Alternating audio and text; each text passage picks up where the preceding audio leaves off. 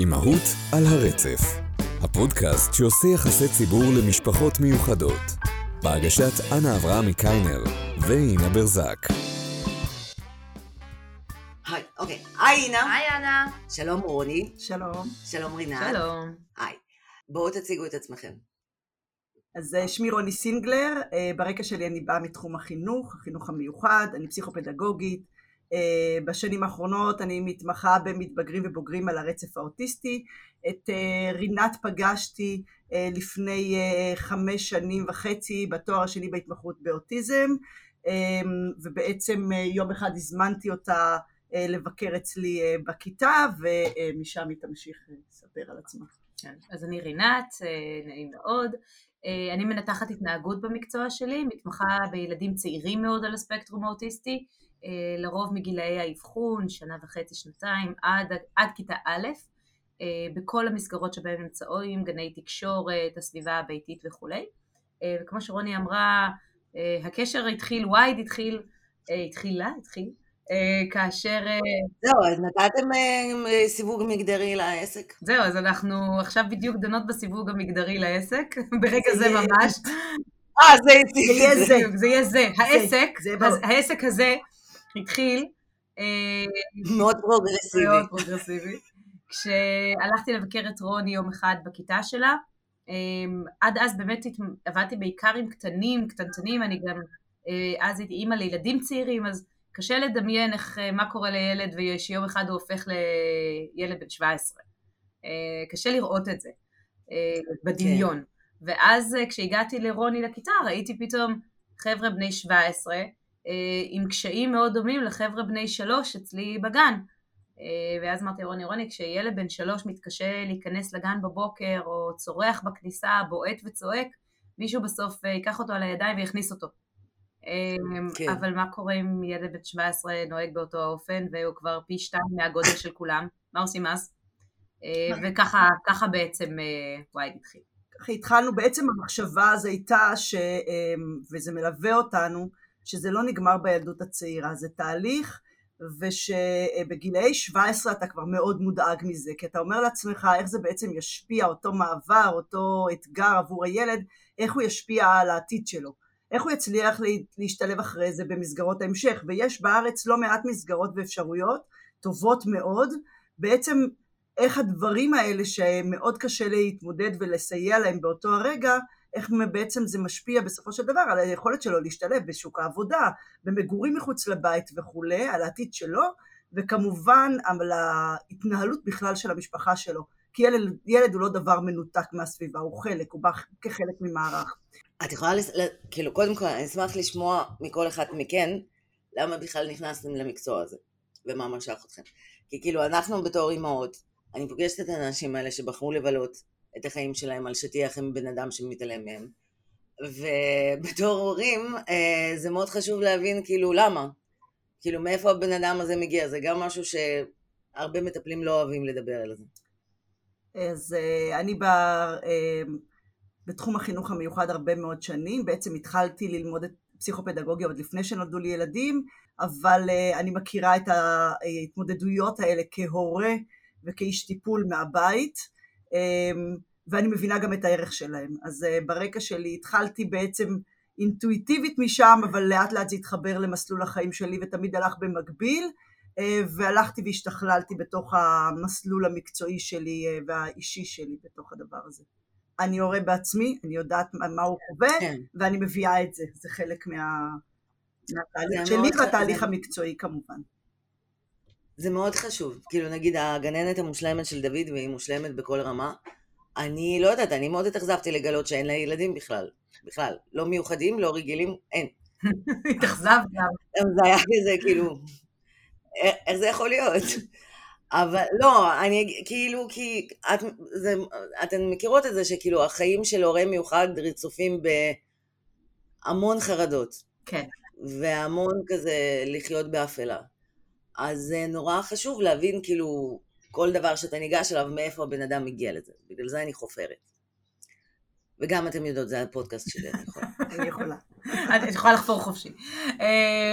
אצלי הסיפור כן. הוא, קצת אחר. אני בכלל באה לא בעולמות הטיפול, אני באה מעולמות התיאטרון והאומנות אה, במקור, זה מה שהייתי אה, בעבר הרחוק, אה, בגלגול קודם נקרא לזה ככה. אבל תמיד תמיד במקביל עבדתי עם ילדים. זאת אומרת, בהתחלה זה היה מצורכי פרנסה בלבד, שאמרו לי, הגעתי בעצם לעבוד במקלט חירום לילדים שהוציאו אותם מהבית בצו בית משפט.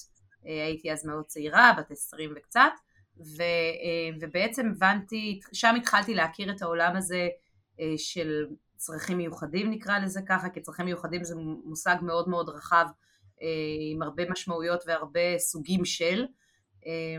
כן, בזמננו זה כמו להגיד כבר הומו סאפנס, כי יש כל כך הרבה. לגמרי, לגמרי. כאילו אין כמעט נוירוטיפיקלים. נכון, נכון. דרך אגב זה עוד יותר נכון אחרי הקורונה. אם יש משהו שהבנו אחרי הקורונה זה שילדים מתמודדים עם קשיים כל הזמן. זה החמיר מאוד, החמיר מאוד, כן. נכון. הבנו אה, שכל הילדים מתמודדים עם דברים שונים.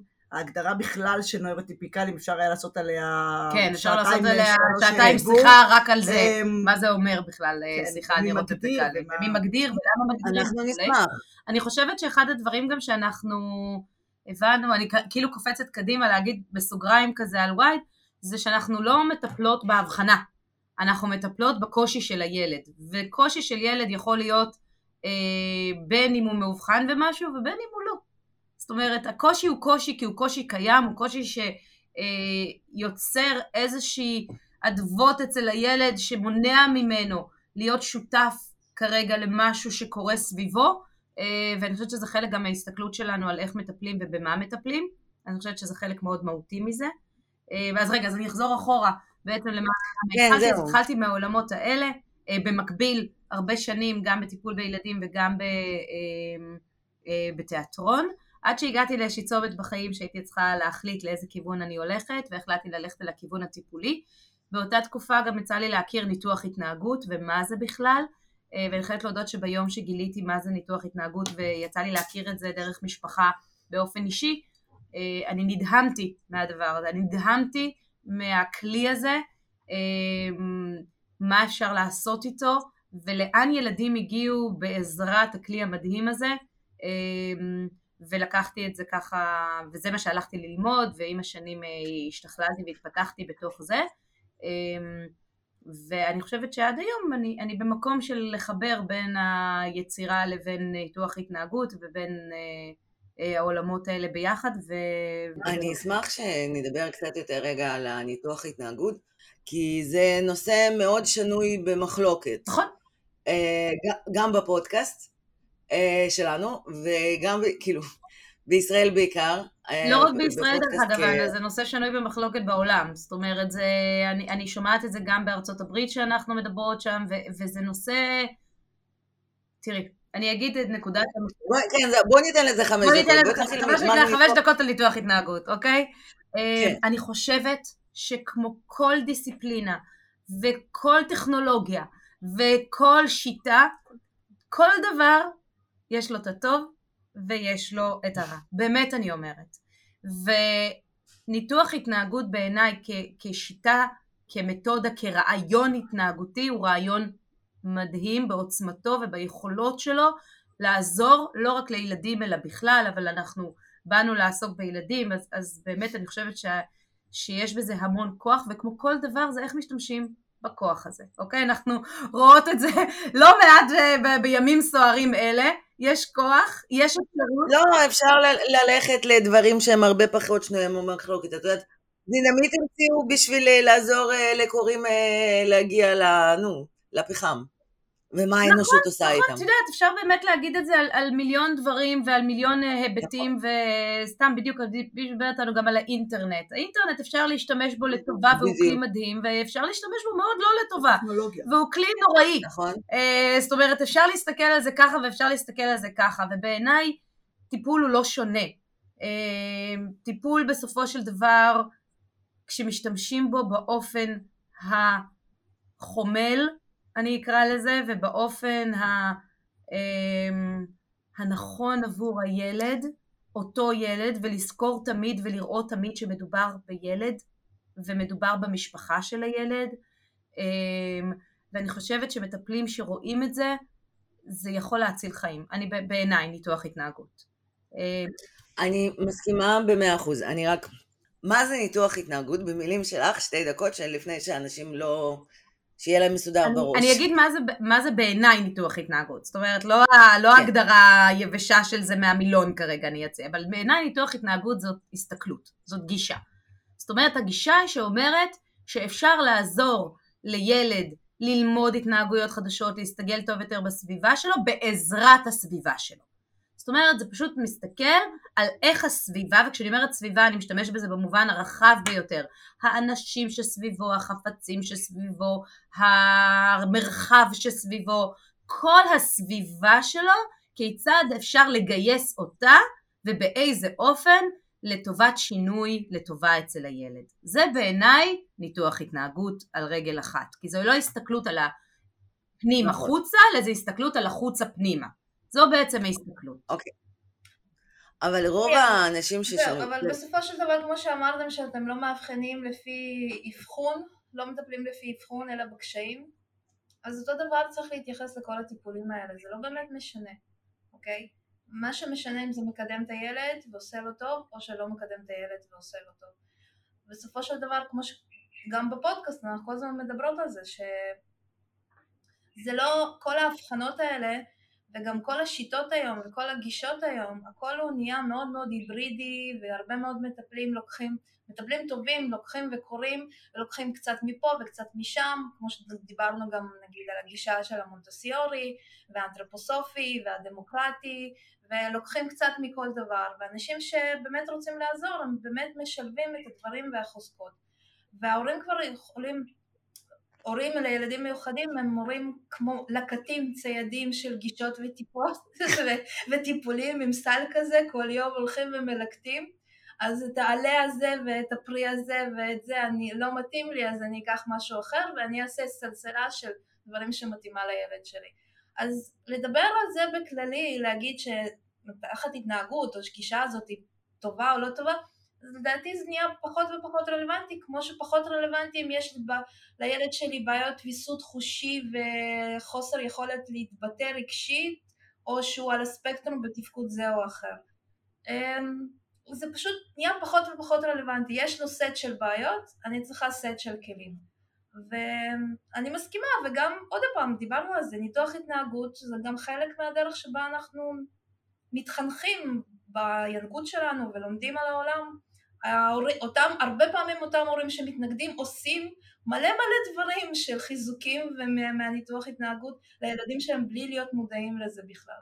אז uh, באמת, כל מי שמקשיב לפרק הזה והכל, באמת, תעזבו אתכם מזה, תנסו. מה שיעזור לילד שלכם, החל מוודו, שמודו, שמנים מטריים ומסאז'ים ונרות ריחניים וסיפורים לפני שינה, עד לחיזוקים חיוביים ועיצוב חדרים, כל מה שעובד, עובד. אז באמת פחות, אה, לדעתי זה פחות נהיה רלוונטי בכלל, בכללי. רגע, אני מאוד מסכימה, אני רוצה להוסיף משהו. קודם כל, אה, יש אה, קבוצת פייסבוק שנקראת הוריסטים אוכלים את הראש. זה קבוצה שיצאה, נולדה מתוך קבוצה שנקראת אוטיזם זה מצחיק.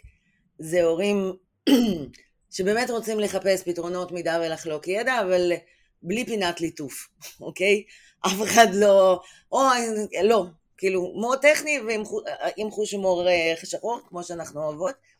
אז אני פתחתי שם שרשור שאמרתי בואו נעשה כאילו השוואת בולבולים, ואנחנו נספר על הטיפולים הכי הזויים שעשינו לילדים שלנו, וכאילו שעזרו. ווואו, אימא לזו הייתה תיבת פנדורה. כן. אני כן...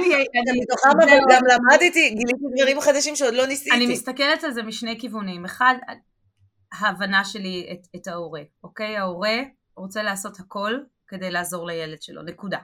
חד כן. משמעית, אוקיי? אין פה בכלל שאלה. אני כן אגיד לצד זה, אמ, שבכל זאת אה, אסכולות מסוימות של ניתוח התנהגות ודברים אה, כדומה, אמ, כן חשוב ש, שזה יהיה נכון ובדוק עבור הילד. זאת אומרת, לא, כמו שאת אומרת, לא כל הבטחה תציל את הילד. צריך בכל זאת גם, אני שמה איזה מילת אה, לא אזהרה, כי זה לא נכון להגיד את זה, אלא מילת אה, בדיקה. תבדקו, אה, זה חשוב, בדיקת כן, זה. חשוב, זה אחריות אני חושבת מסוימת ש- שצריך שצריך רגע לקחת. לדבר על הערך של ההורים. כי ההורים, אני התחלתי בתחום הזה בשנת 95, אה, אני הרבה שנים אה, פוגשת הורים לילדים עם צרכים מיוחדים, ואני חושבת שאם ההורים פעם היו ניגשים לאיש המקצוע, ואיש המקצוע היה חצי אלוהים, ומה שהוא אמר כך עשינו, זה נכון גם לגבי הרפואה היום אגב, אבל זה לא הנושא שלנו. אה, היום ההורים הם אנשי מקצוע. זאת אומרת, גם ההורה שאין לו תעודה, יושב ולומד וחוקר ומתייעץ, ויש לו את חוכמת ההמונים להתייעץ איתה, אמ, יש לו הרבה מאוד כלים שהוא יכול לעשות בהם שימוש כדי לבדוק ולבחון מה נכון, ושיקול הדעת שלו והאינטואיציות שלו בסופו של דבר זה מה שנכון לו ונכון לילדים שלו. כולנו במהלך הדרך בחרנו גם בדברים שהם פחות טובים. אתם הזכרתם קודם את תכונות ההורות המיוחדת, אשמה, אני עומדת ראשונה ברשימה, אה, יש המון המון דברים שאם הייתי חוזרת לנקודת ההתחלה והייתי יודעת את מה שאני יודעת היום הייתי עושה אולי אחרת. גם בניתוח התנהגות כמו בכל דבר אחר אני חושבת שהנכון הוא לבדוק, ללמוד, להתייעץ, לשמוע מהורים אחרים שעבדו עם אותו מטפל, איך הייתה החוויה שלהם, זה לא אומר שהחוויה שלי תהיה נכון. אותו דבר. אבל אם מראש אומרים לי הייתה קצרת רוח, לא היה לה סבלנות לש... לענות לי לשאלות, אז אולי זה לא האדם שמתאים לי. אז יש המון המון דברים שאנחנו כהורים יכולים לעשות אל מול המטפלים, אל מול השיטות החדשות, ולהתנסות ולראות באמת מה נכון עבורנו, מה מרגיש לנו נכון. ואם זה לא עובד, לא נורא, לא נורא. לעזוב ולנסות משהו חדש. בדיוק.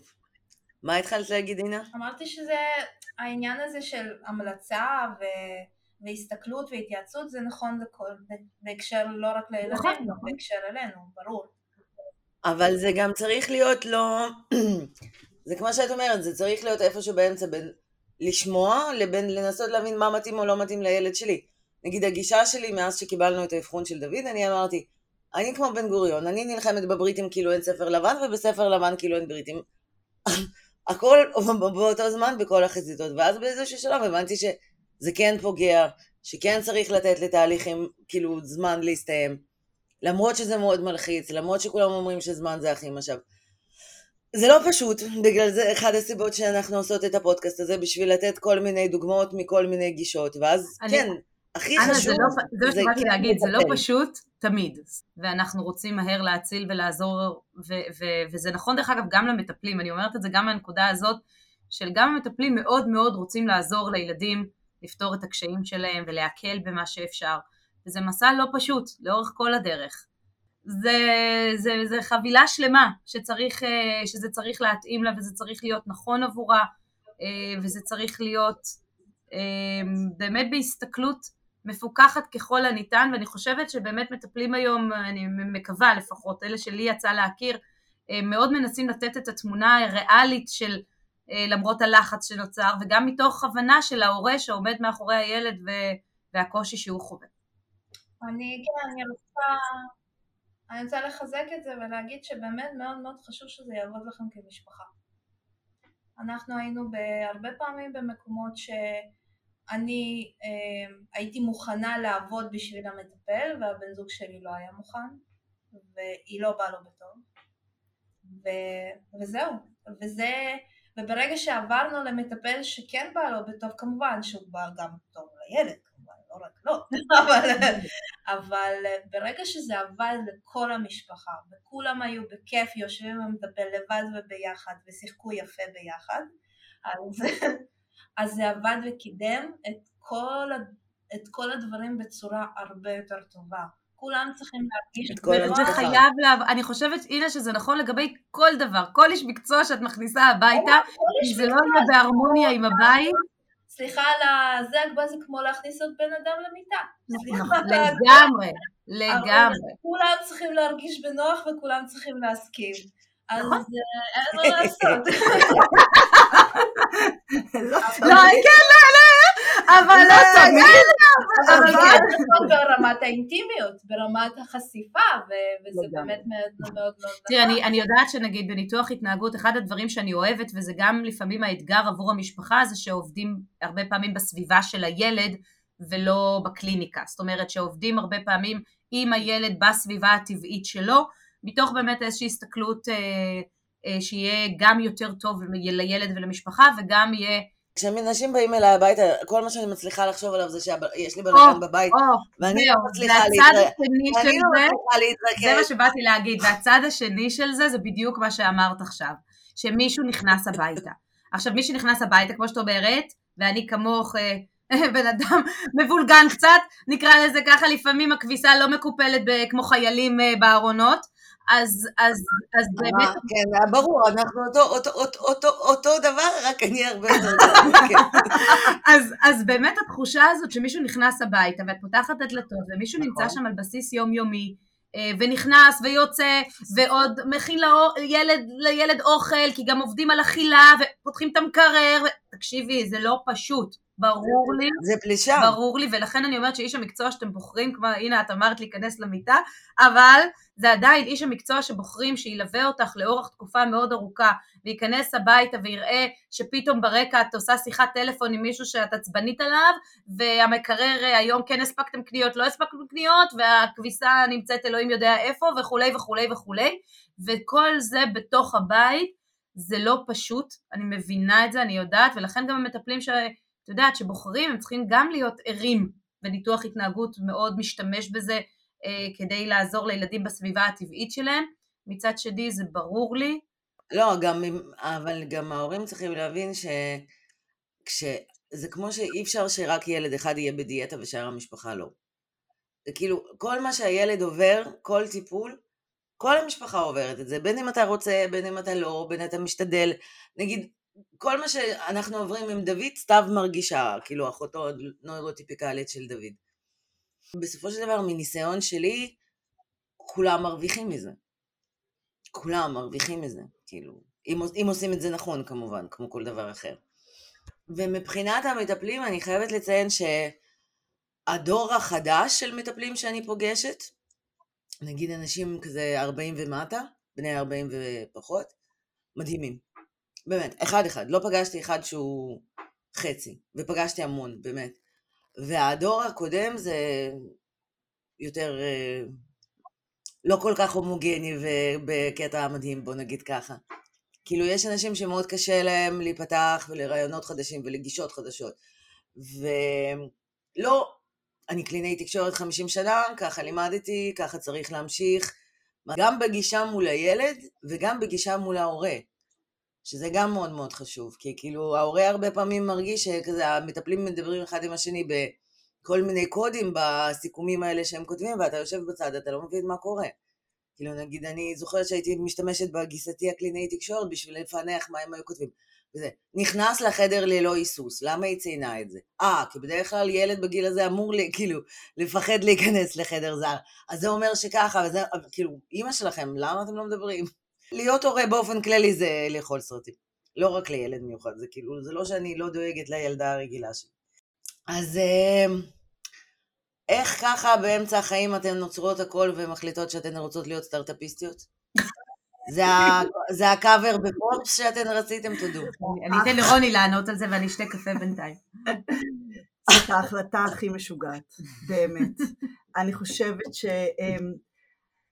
אני הייתי במקום שבו באמת, אני חושבת שבתוך מערכת החינוך יכולתי לעשות כל דבר, באמת, יש לי, גם הציעו לי תפקידים וגם באמת יכולתי, אה, הייתי בכמה תפקידים ניהוליים בעבר שלי ויכולתי אה, להמשיך ולהתפתח מבחינה, אה, הגיע הרגע שבו אמרתי יש לי הרבה הרבה ידע, יש לי ניסיון, יש לי את היכולת לעשות כאן משהו מכיוון אחר ו- ולהתנסות ולצאת למין רכבת הרים כזאת משוגעת שבה אתה קם כל יום למקום הלא בטוח שלך, הלא מוכר, החדש, המאתגר ואתה לומד מההתמודדויות האלה ואתה מתחזק ואתה מתפתח.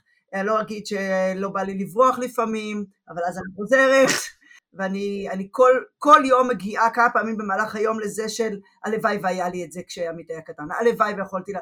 המון המון דברים שהייתי עושה ואני חושבת שזה הדבר שבסופו של דבר מעורר בי את המוטיבציה הזאת. אז בעצם אמ, אה, אחרי שעשינו את המחקר בתחילת הדרך על וייד ובעצם מיפינו את ההתנהגויות הראשונות, התחלנו, אמרנו, פנינו למפתח שיעשה לנו משהו מאוד מאוד קרטוני ופשוט, מעין אב טיפוס בסיסי, עבור התנהגות ראשונה, לקחנו ילדה מהגנים שבהם רינת עבדה אז, ששנה וחצי ניסו לגמול אותה בכל מיני דרכים, ובטח שהרבה מכם יודעים, הרבה פעמים כשילד מסיים את אה, גן החובה בארץ, אם הוא לא גמול הוא הולך למסגרת אה, כיתה א', שבה יש אפשרות כן. להחליף חיתולים. ולאו דווקא זו המסגרת המתאימה לו מבחינה קוגניטיבית. ונתנו לה בעצם לראות את עצמה נכנסת לשירותים ומתיישבת, ואחרי 26 יום גמלנו אותה מחיתולים. ואז אמרנו, אחרי, כשהתאוששנו מהבכי וההתרגשות מזה ששינינו את חייה, ואת חייהם של ההורים שלה, והפרחנו שם תקווה, והראינו שיש יכולת למידה, אה, וכל מה שהיה בתוך ההתרגשות האדירה שחווינו שם, אמרנו, אוקיי, אולי זה המקרה, בוא ננסה על עוד ילד. ואז אה, פנינו... אולי תזמונת מתחזה חמודה כזאת, אולי זה היה במקרה, לא יודעים מה קרה פה, בוא ננסה. והלכנו אה, וניסינו ילד בן חמש, שבמשך מספר חודשים לא היה מוכן להיכנס לחדר טיפולים בגן לקליני תקשורת, אה, ולא צריך להסביר מה זה אומר כשילד אה, לא נכנס לטיפולים כן. במשך חודשים, איך זה משפיע על ההתקדמות שלו, איך זה משפיע על ההתפתחות שלו, אה, מה קורה אחרי זה, ואיך משלימים את הפער הזה אחרי זה, ואחרי חמישה ימים הוא נכנס. ואז אמרנו אוקיי, יש כאן משהו, ובדיוק היו פרסומים ל MassChallenge ישראל, MassChallenge זאת בעצם תוכנית אקסלרציה, תוכנית האצה בינלאומית שיש לה גם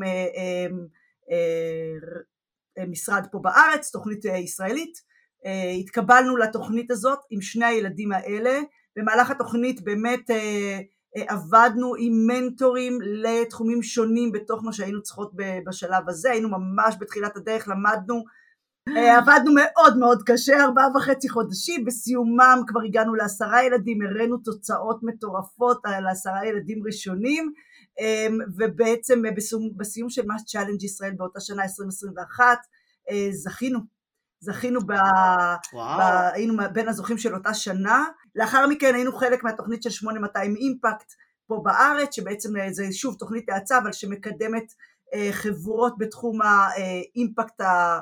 במגוון תחומים, אנחנו כמובן בתחום כן. החברתי והנגישות, והתחלנו לעבוד עם בית חולים אלין. בית חולים אלין בעצם אה, בית חולים שיקומי בירושלים לילדים ונוער, 350 ילדים מגיעים לבית החולים יום יום, מסיבות שונות, מחלות אה, אה, גנטיות, תאונות, פיגועים, כל, יל, כל מיני, בעצם אחרי שהם מסיימים את האשפוז הרגיל שלהם בבית החולים, הם מועברים להמשך אה, שיקום לאלין, yeah.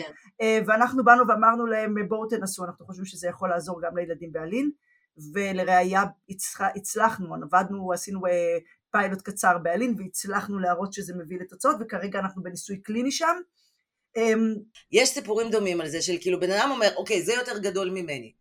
נגיד, אני לא משווה, אבל נגיד, אני, לי ולאינה כמה פעמים היה משבר עם הפודקאסט, כי זה לוקח המון זמן, וזה לא זה וזה.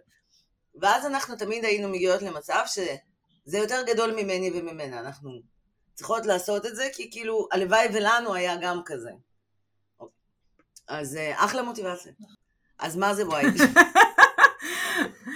וייד. וייד, וייד זה בעצם, אה, זו שיטת טיפול דיגיטלית אה, שנועדה לסייע לילדים להתגבר כל אחד על הקושי האישי שלו. ואני שנייה אפרט מה זה אומר.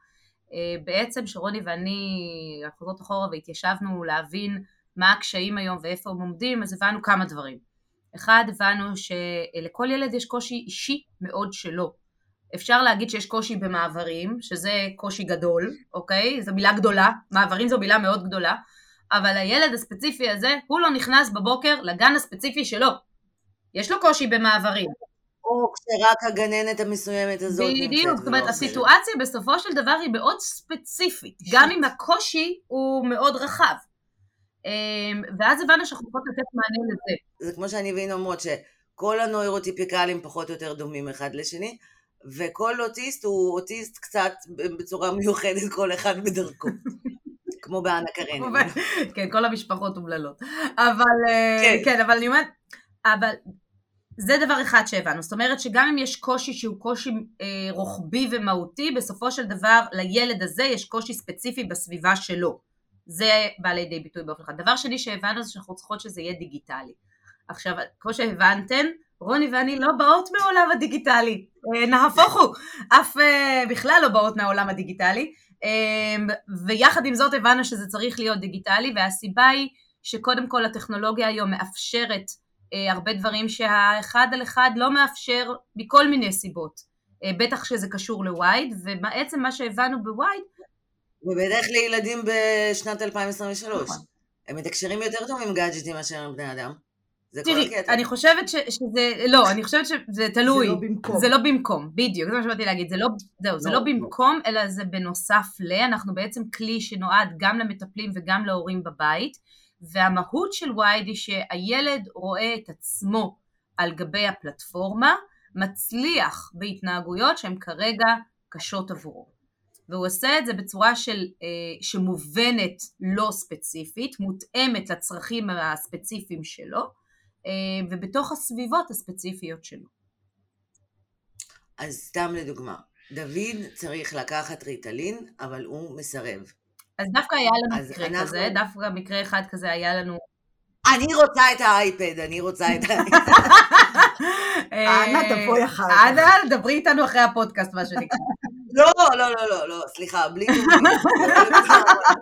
בעצם יש לנו פלטפורמה, מעין אה, מערכת שאליה מעלים אה, המטפל או ההורה מעלה מידע על הילד, מעלה תמונות מהסביבה ותמונות של הילד, והמערכת שלנו בעצם אה, מייצרת בעזרתו של המטפל מעין תרחיש, מעין סימולציה, שבה הילד יכול לראות את עצמו.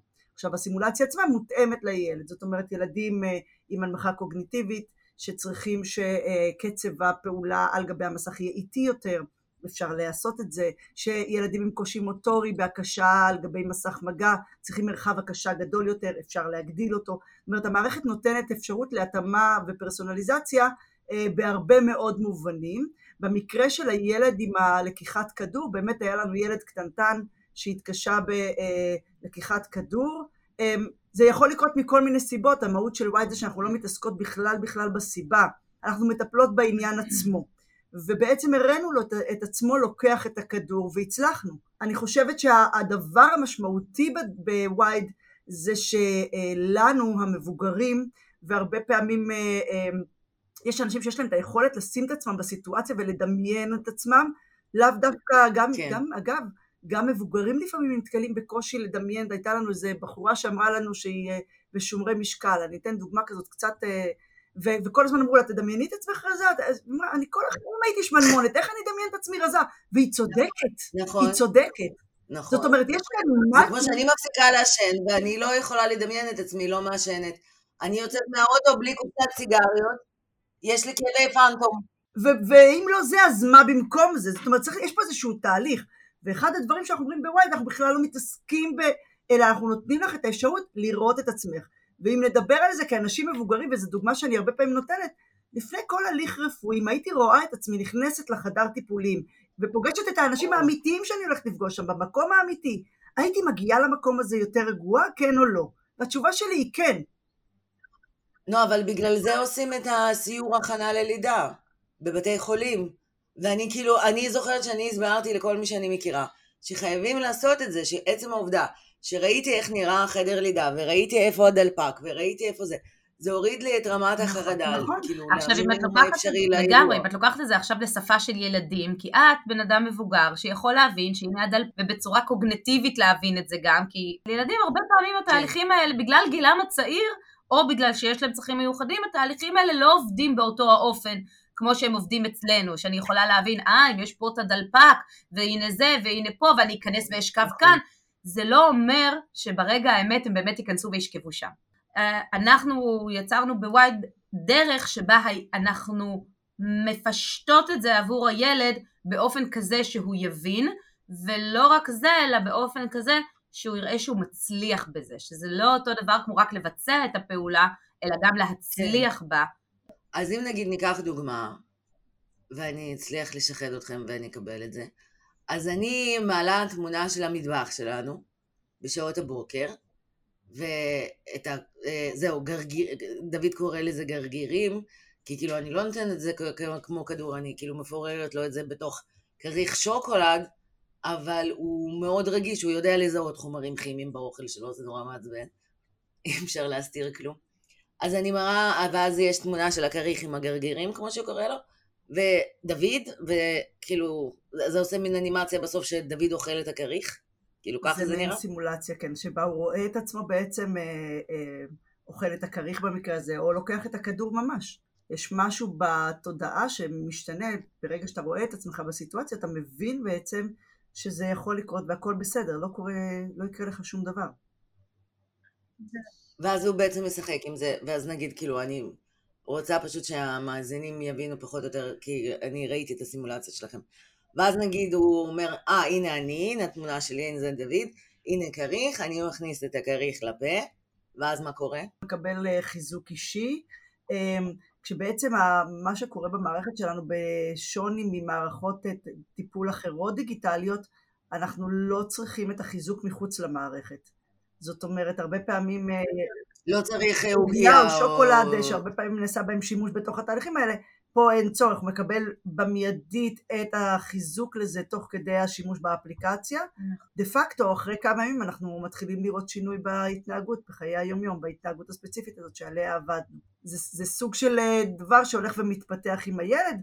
אמ, כן רואים אפשרות אה, להתפתח לפי תקופות הגיל השונות או הצרכים השונים שצצים אה, על גבי הדרך, נגיד את זה ככה.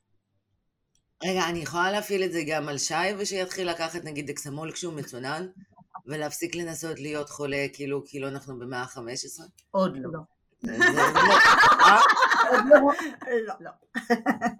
טיפול מסוג אחר. טיפול לגברים, חינוך גברים מחדש, אנחנו נעשה את זה בנפרד. זה טיפול מסוג אחר. אז באיזה שלב אתן נמצאות? איפה, מה? זה מה שנקרא שאט-אפ, זה השלב של כל הורה או מיוחד אומר and take my money. אה, אז בעצם אנחנו הוצאנו את גרסת הבטא שלנו לפני, אה, אה, אנחנו כרגע עובדות בתוך ארגונים שנותנים שירותים לילדים עם צרכים מיוחדים, מסגרות החינוך והטיפול השונות, שאנחנו עובדות איתן והתחלנו לעבוד בעצם בתוך הגנים עצמם, בעזרת גרסת הבטא, שהילדים מתרגלים בתוך סביבת הגן.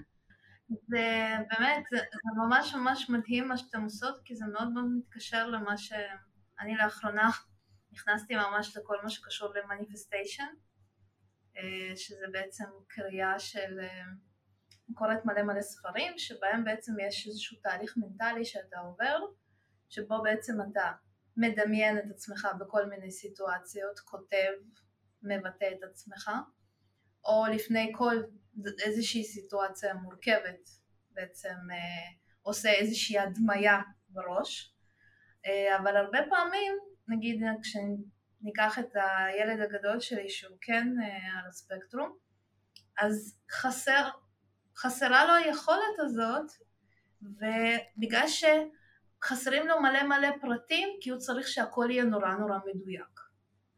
ובעצם ההדמיה שאתם עושות יוצרת בהירות מאוד מאוד מאוד גבוהה נכון. ודיוק מאוד מאוד גדול לגבי הדברים האלה.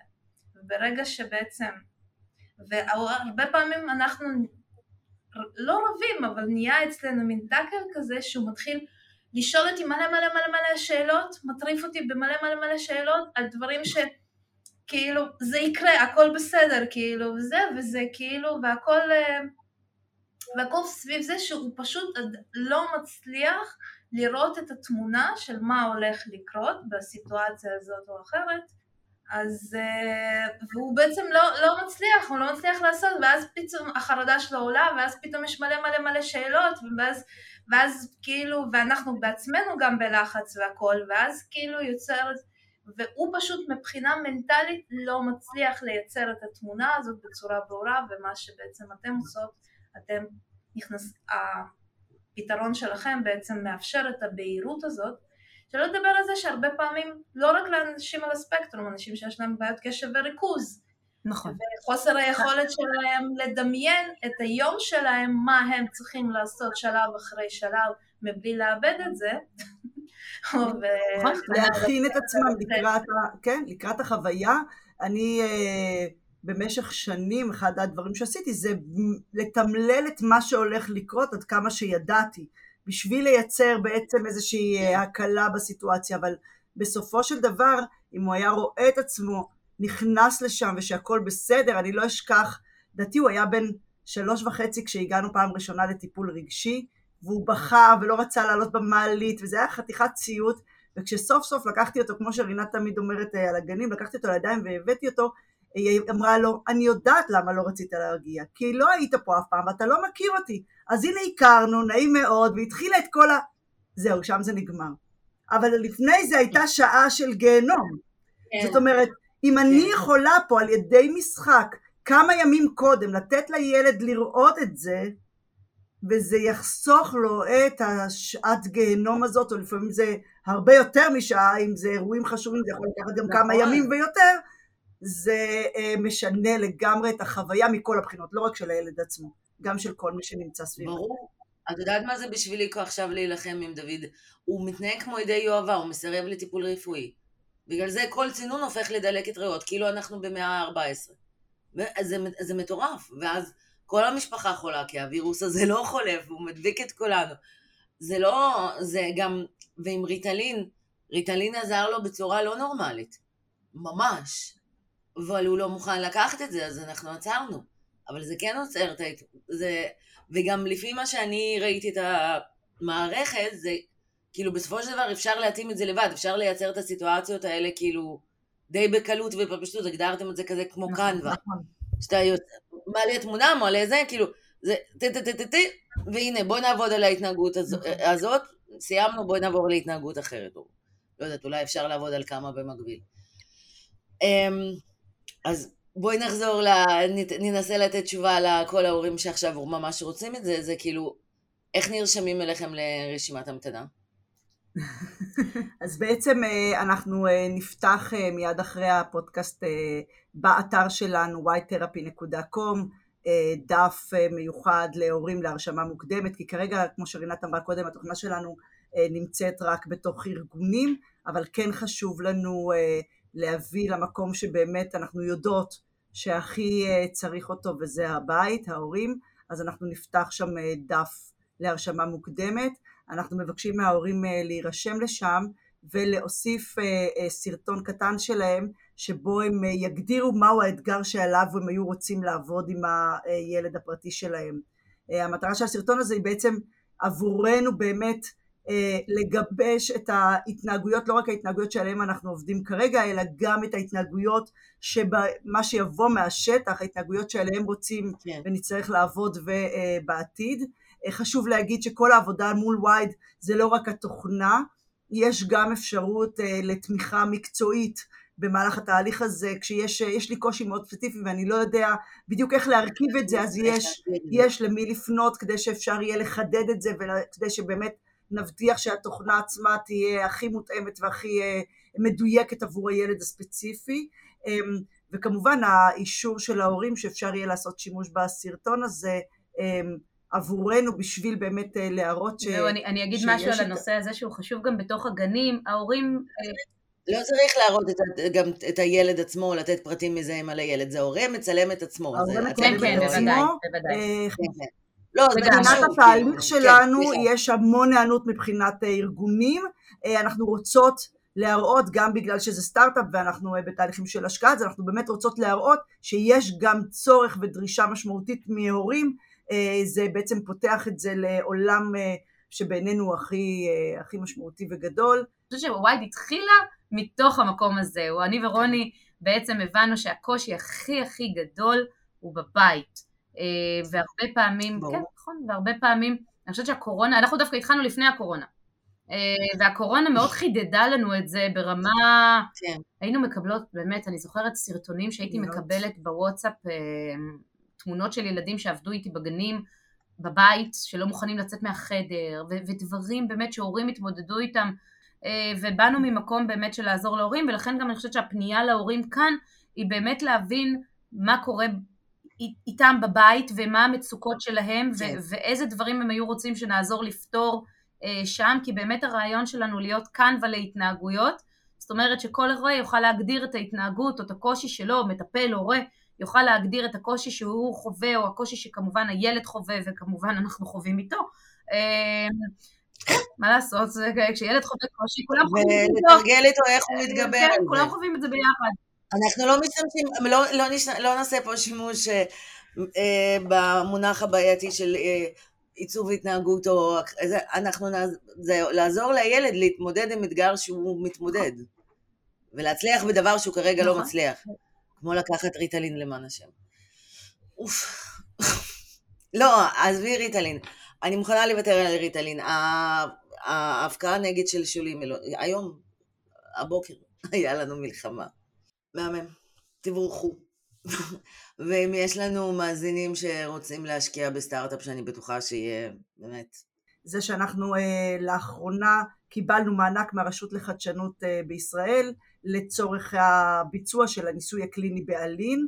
אה, זה כדי להבין, אני חושבת שאחד הדברים הכי מרגשים בתוך התהליך הזה היה כשוועדת, אני קוראת לזה בחיבה הפרס, אבל ועדת בעצם זו שבחרה בנו אה, להעניק לנו את המענק הזה, אמרה שהם רואים את השינוי ההתנהגותי שאנחנו עושות אצל הילדים הקטנטנים, את, ה, את ההשפעה המשמעותית שיש לווייד על הילדים הקטנים, באיך זה ישפיע עליהם בשוק העבודה כשהם יהיו בוגרים.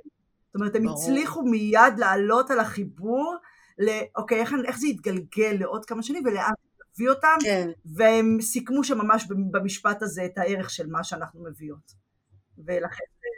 זה ממש, זה כאילו, איזה, איזה יער יהיה מהזרע הזה שאתם שמים עכשיו. לקבל את הגושפנקה הזאת, יש לה ערך מאוד מאוד משמעותי, היכולת של אחרים, גם את אנה, כשנפגשנו, ישר העיניים שלך נדלקו ואת הבנת, הרצת קדימה, והבנת לאן זה מגיע, ומה היכולת והפוטנציאל כן. של הדבר הזה, זה הערך המשמעותי של מה שאנחנו עושות.